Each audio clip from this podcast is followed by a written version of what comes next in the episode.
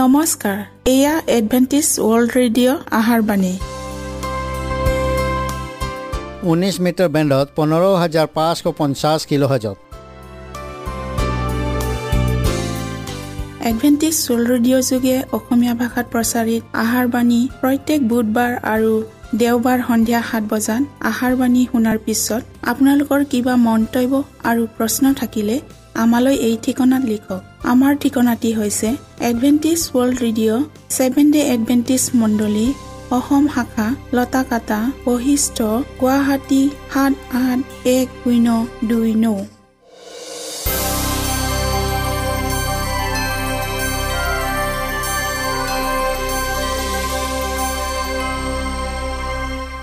প্ৰিয় শ্ৰোতা বন্ধুসকল এতিয়া শুনো আহক এটি খ্ৰীষ্টীয় ধৰ্মীয় গীত।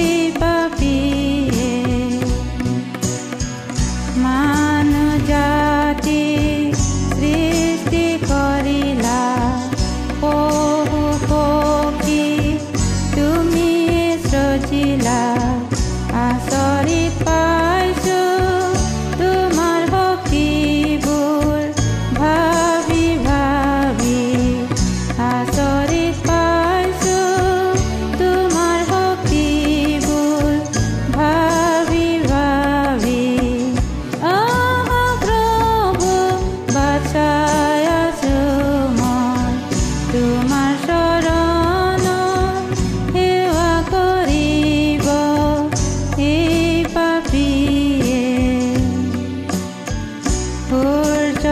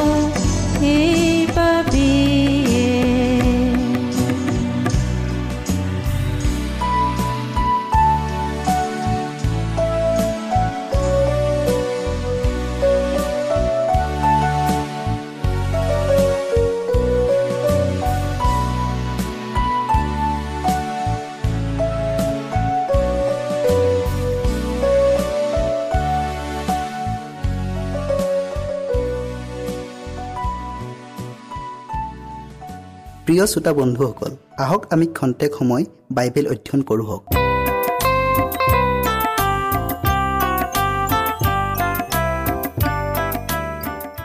খ্ৰীষ্টই বিধানৰ শেষ বুলিলে আপুনি কি বুজে?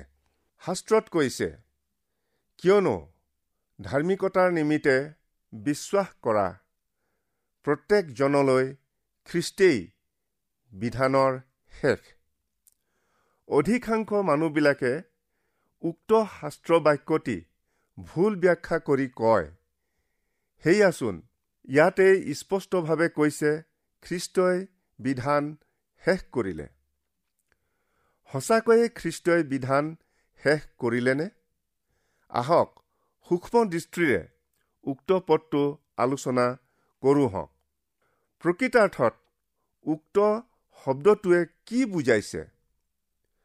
প্ৰথমতে আমি এই শাস্ত্ৰপদটোৰ আঁতিগুৰি স্পষ্টভাৱে বুজি লওঁ হওক মানুহৰ প্ৰতি ঈশ্বৰৰ পৰিকল্পনা যিটো ঈশ্বৰীয় নিৰ্বাচিত ভিত্তি কৰি তেওঁৰ ইচ্ছা পালন কৰিবলৈ মানুহবিলাকক মনোনীত কৰিলে। পুৰণি নিয়মত পাওঁ যে ঈশ্বৰৰ আটাই বিধি বিধান মানি চলিবলৈ ঈশ্বৰে ইছৰাইল জাতিটোক মনোনীত কৰিছিল। এতিয়া উক্ত শাস্ত্ৰপদৰ দ অধ্যায়টো পৌলে বৰ্ণনা কৰি কৈছে ইছৰাইলে যদিও ঈশ্বৰক সঁহাৰি নিদিলে কিন্তু ঈশ্বৰে পৰজাতিলৈ তেওঁৰ পৰিত্ৰাণ কাৰ্য সিদ্ধ কৰিলে।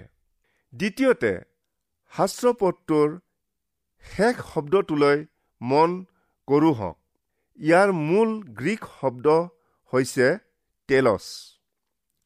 টেলিস্কোপ অৰ্থাৎ দূৰলৈ দৃষ্টি কৰা। টেলিফোন অৰ্থাৎ দূৰৰ পৰা মাত শুনা।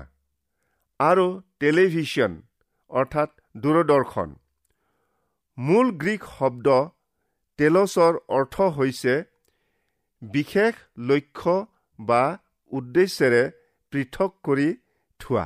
উপৰোক্ত অধ্যায়ৰ প্ৰথম তিনিটা পদত সেই সময়ৰ শাৰীৰিক ইছৰাইলৰ বিষয়ে উল্লেখ কৰি কৈছে মোৰ হৃদয়ৰ বাঞ্ছা আৰু তেওঁবিলাকৰ কাৰণে ঈশ্বৰৰ আগতো প্ৰাৰ্থনা এই যেন তেওঁবিলাকে পৰিত্ৰাণ পায়। ঈশ্বৰলৈ তেওঁবিলাকৰ উৎসাহ আছে বুলি মই তেওঁবিলাকৰ পক্ষে সাক্ষ্য দিছোঁ। কিন্তু সেই উৎসাহ জ্ঞান অনুসাৰে নহয়। খ্ৰীষ্টীয়ৰ খোজৰ অনুগামী হোৱা প্ৰকৃত মাপকাঠি হৈছে ঈশ্বৰৰ ধাৰ্মিকতাৰ বহীভূত হোৱা যিটো ইছৰাইলৰ সন্তানবিলাকে কৰিবলৈ অপাৰগ হ'ল। কাৰণ তেওঁবিলাকে ঈশ্বৰৰ ধাৰ্মিকতা নাজানি নিজৰ ধাৰ্মিকতা স্থাপন কৰিবলৈ বিচাৰি ঈশ্বৰৰ ধাৰ্মিকতাৰ বহীভূত নহল।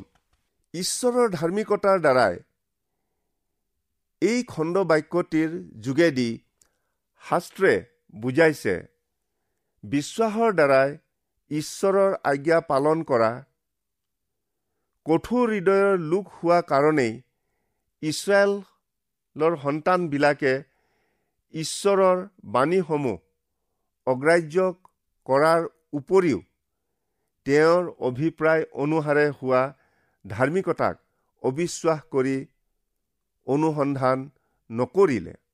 এতিয়া সেই একে অধ্যায়ৰ চাৰি পদত ইছৰাইলৰ সন্তানবিলাকে অনুসৰণ কৰা পথ আৰু প্ৰকৃত বিশ্বাসীজনে অনুসন্ধান কৰি ঈশ্বৰৰ ধাৰ্মিকতাৰে চলা পথৰ বিসাদৃশ্যতা দেখুৱাইছে। ঈশ্বৰৰ পথত চলা মনোভাৱ আৰু বাহ্যিক ধৰ্ম কৰ্ম আত্মিক দৃষ্টিৰে নাচালে পাৰ্থক্য বুজাত কঠিন হয়। ইছৰাইলৰ সন্তানবিলাকে নিজৰ ধাৰ্মিকতা স্থাপন কৰিবলৈ বিচাৰি ঈশ্বৰৰ আজ্ঞা পালনৰ চেষ্টা কৰা অভিপ্ৰায় আছিল। যীশুখ্ৰীষ্টই তেওঁৰ সময়ৰ ধৰ্মীয় লোকবিলাকক বাহ্যিক ধৰ্ম কৰ্মবোৰলৈ আঙুলিয়াই এই বুলি চিনাক্ত কৰি দিছিল। পাছে নিজকে ধাৰ্মিক বুলি নিজত ভৰসা কৰা আৰু আনক সেৱজ্ঞান কৰা এনে কোনো কোনো তেওঁৰ এই দৃষ্টান্ত ক'লে। দুজন মানুহে ধৰ্মধামত প্ৰাৰ্থনা কৰিবলৈ গ'ল। তেওঁলোকৰ এজন ফৰিচী আৰু আনজন কৰতোলা। ফৰিচীয়ে থিয় হৈ মনে মনে এইদৰে প্ৰাৰ্থনা কৰিলে হে ঈশ্বৰ মই আন মানুহৰ নিচিনা অপহাৰক অন্যায়কাৰী ব্যবিচাৰী নাইবা এই কৰতোলাৰ নিচিনাও নহওঁ এইকাৰণে মই তোমাৰ স্তুতি কৰোঁ। মই সপ্তাহৰ ভিতৰত দুবাৰ লঘোণ দিওঁ আৰু মোৰ সকলো আয়ৰ দশম ভাগ দান কৰোঁ। তুলনা কৰিলে এজন প্ৰকৃত ঈশ্বৰ ভক্ত বা বিশ্বাসীয়ে খ্ৰীষ্টীয়ৰ আত্মবলিদানত আৰু খ্ৰীষ্টীয়ত প্ৰত্যক্ষ প্ৰমাণেৰে ভৰসা ৰাখি ঈশ্বৰৰ আজ্ঞাৰ বশৱৰ্তী হ'ব। বিশ্বাসীজনে সঠিকভাৱে জানে যে শাৰীৰিক আৰু আত্মিকত বৃদ্ধি পাবলৈ প্ৰত্যেকজনেই বাঞ্ছা কৰাৰ দৰে আশীৰ্বাদ পাবলৈ ঈশ্বৰৰ আজ্ঞা পালনেই একমাত্ৰ উপায়।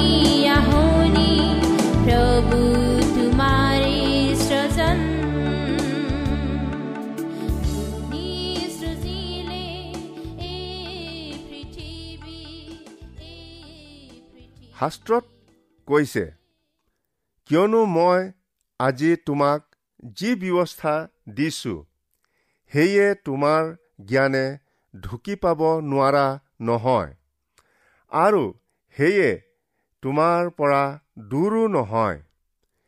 সেয়ে আকাশত নহয় যে আমি তাক পালন কৰিবৰ নিমিত্তে কোনে আমাৰ কাৰণে আকাশলৈ উঠি তাক আনি আমাক শুনাব।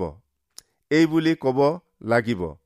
আৰু সেয়ে সমুদ্ৰৰ সিপাৰেও নহয় যে আমি তাক পালন কৰিবৰ নিমিত্তে কোনে আমাৰ কাৰণে সমুদ্ৰ পাৰ হৈ তাক আনি আমাক শুনাব। এই বুলি ক'ব লাগিব। কিন্তু পালন কৰিবৰ নিমিত্তে সেই বাক্য তোমাৰ নিচেই ওচৰত তোমাৰ মুখত আৰু তোমাৰ হৃদয়তেই আছে। শাস্ত্ৰত আৰু কৈছে তেওঁবিলাকৰ চিত্ৰত মোৰ বিধান দিম আৰু তেওঁবিলাকৰ হৃদয়ত তাক লিখিম আৰু মই তেওঁবিলাকৰ ঈশ্বৰ হম তেওঁবিলাকো মোৰ লোক হ'ব। পৰস্পৰে প্ৰেম কৰা বিনে আন কোনো কথাত তোমালোকে কাৰো ধৰুৱা নহবা। কিয়নো যিজনে পৰক প্ৰেম কৰে তেওঁ বিধানকেই সিদ্ধ কৰিলে। আকৌ আগৰ কথালৈ আহোঁ। খ্ৰীষ্টই ধাৰ্মিকতাৰ বিধানৰ শেষ অভিপ্ৰায় উদ্দেশ্য লক্ষ্য। প্ৰিয় শ্ৰোতা বন্ধুসকল মনত ৰাখিব এই বাক্যটিয়ে কোৱা নাই খ্ৰীষ্টই বিধান বা ঈশ্বৰৰ দহ আজ্ঞা শেষ কৰিলে বা উঠাই দিলে। কিন্তু প্ৰেমেৰে ঈশ্বৰৰ আজ্ঞা পালনৰ দ্বাৰাই খ্ৰীষ্টীয়ৰ ধাৰ্মিকতা আৰু তেওঁৰ আত্মবলিদানৰ বিশ্বাসলৈ চলাই নিয়াটোহে ইয়াৰ মূল উদ্দেশ্য। এই শাস্ত্ৰপদটোৱে আমাক ইয়াকেহে বুজাই কৈছে বিধান বা আজ্ঞা পালনে আমাক পৰিত্ৰাণ অৰ্থাৎ পাপৰ পৰা উদ্ধাৰ কৰিব নোৱাৰে। কিন্তু বাইবেলত যীশুৱে কোৱাৰ দৰে তোমালোকে মোক যদি প্ৰেম কৰা মোৰ আজ্ঞাবিলাক পালন কৰিবা। ইছৰাইলৰ সন্তানবিলাকে ঈশ্বৰৰ আজ্ঞা পালনত ব্যৰ্থ হোৱা হেতুকে তেওঁৰ নিজ মণ্ডলী অৰ্থাৎ আত্মিক ইছৰাইলক তেওঁৰ আজ্ঞা পালনৰ বাবে আমন্ত্ৰণ কৰিলে। শাস্ত্ৰত কৈছে কিন্তু যিজনাই আন্ধাৰৰ পৰা তেওঁৰ আচৰিত পোহৰলৈ তোমালোকক আমন্ত্ৰণ কৰিলে। তোমালোকে যেন তেওঁৰ সদগুণ অৰ্থাৎ তেওঁৰ অপৰিৱৰ্তনীয় দহ আজ্ঞা পালন কৰি তেওঁৰ সৌন্দৰ্য শুদ্ধতা আৰু সদমতি প্ৰকাশ কৰা।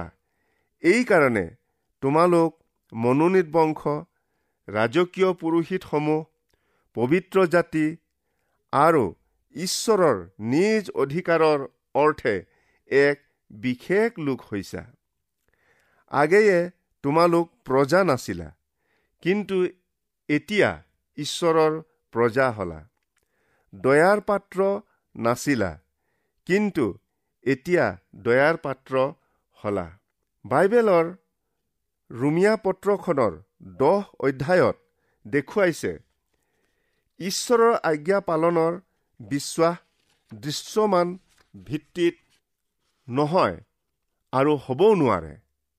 এই বিশ্বাস আত্মিক ভিত্তিতহে অদৃশ্য ৰূপে হয় যিটো শাৰীৰিকভাৱে প্ৰমাণিত নহয়।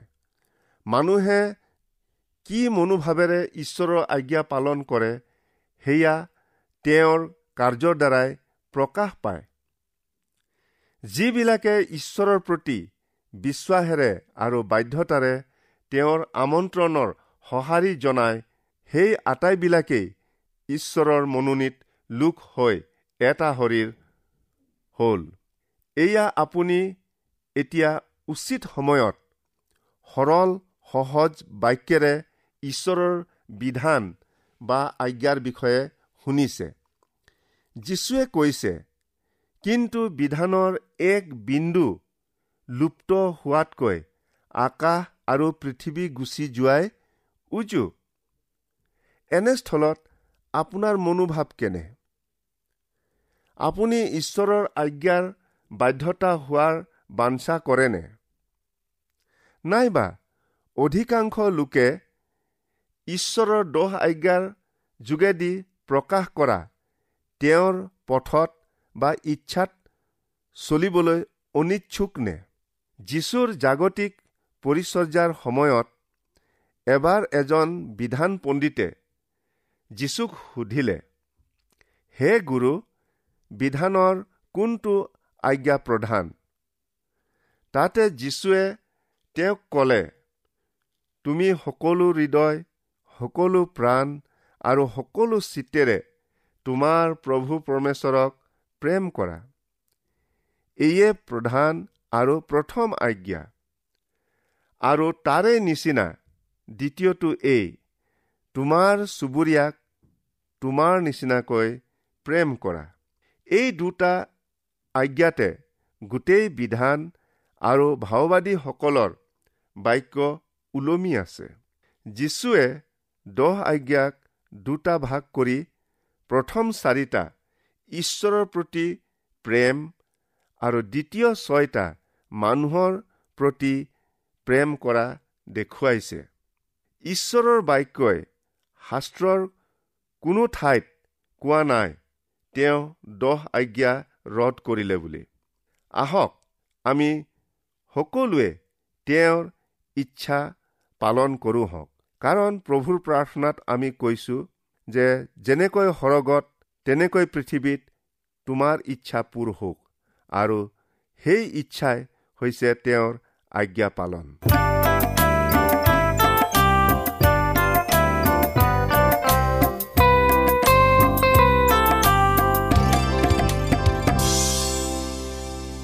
আমি বাইবেল অধ্যয়ন কৰিলোঁ। এতিয়া আকৌ শুনো আহক এটি খ্ৰীষ্টীয় ধৰ্মীয় গীত।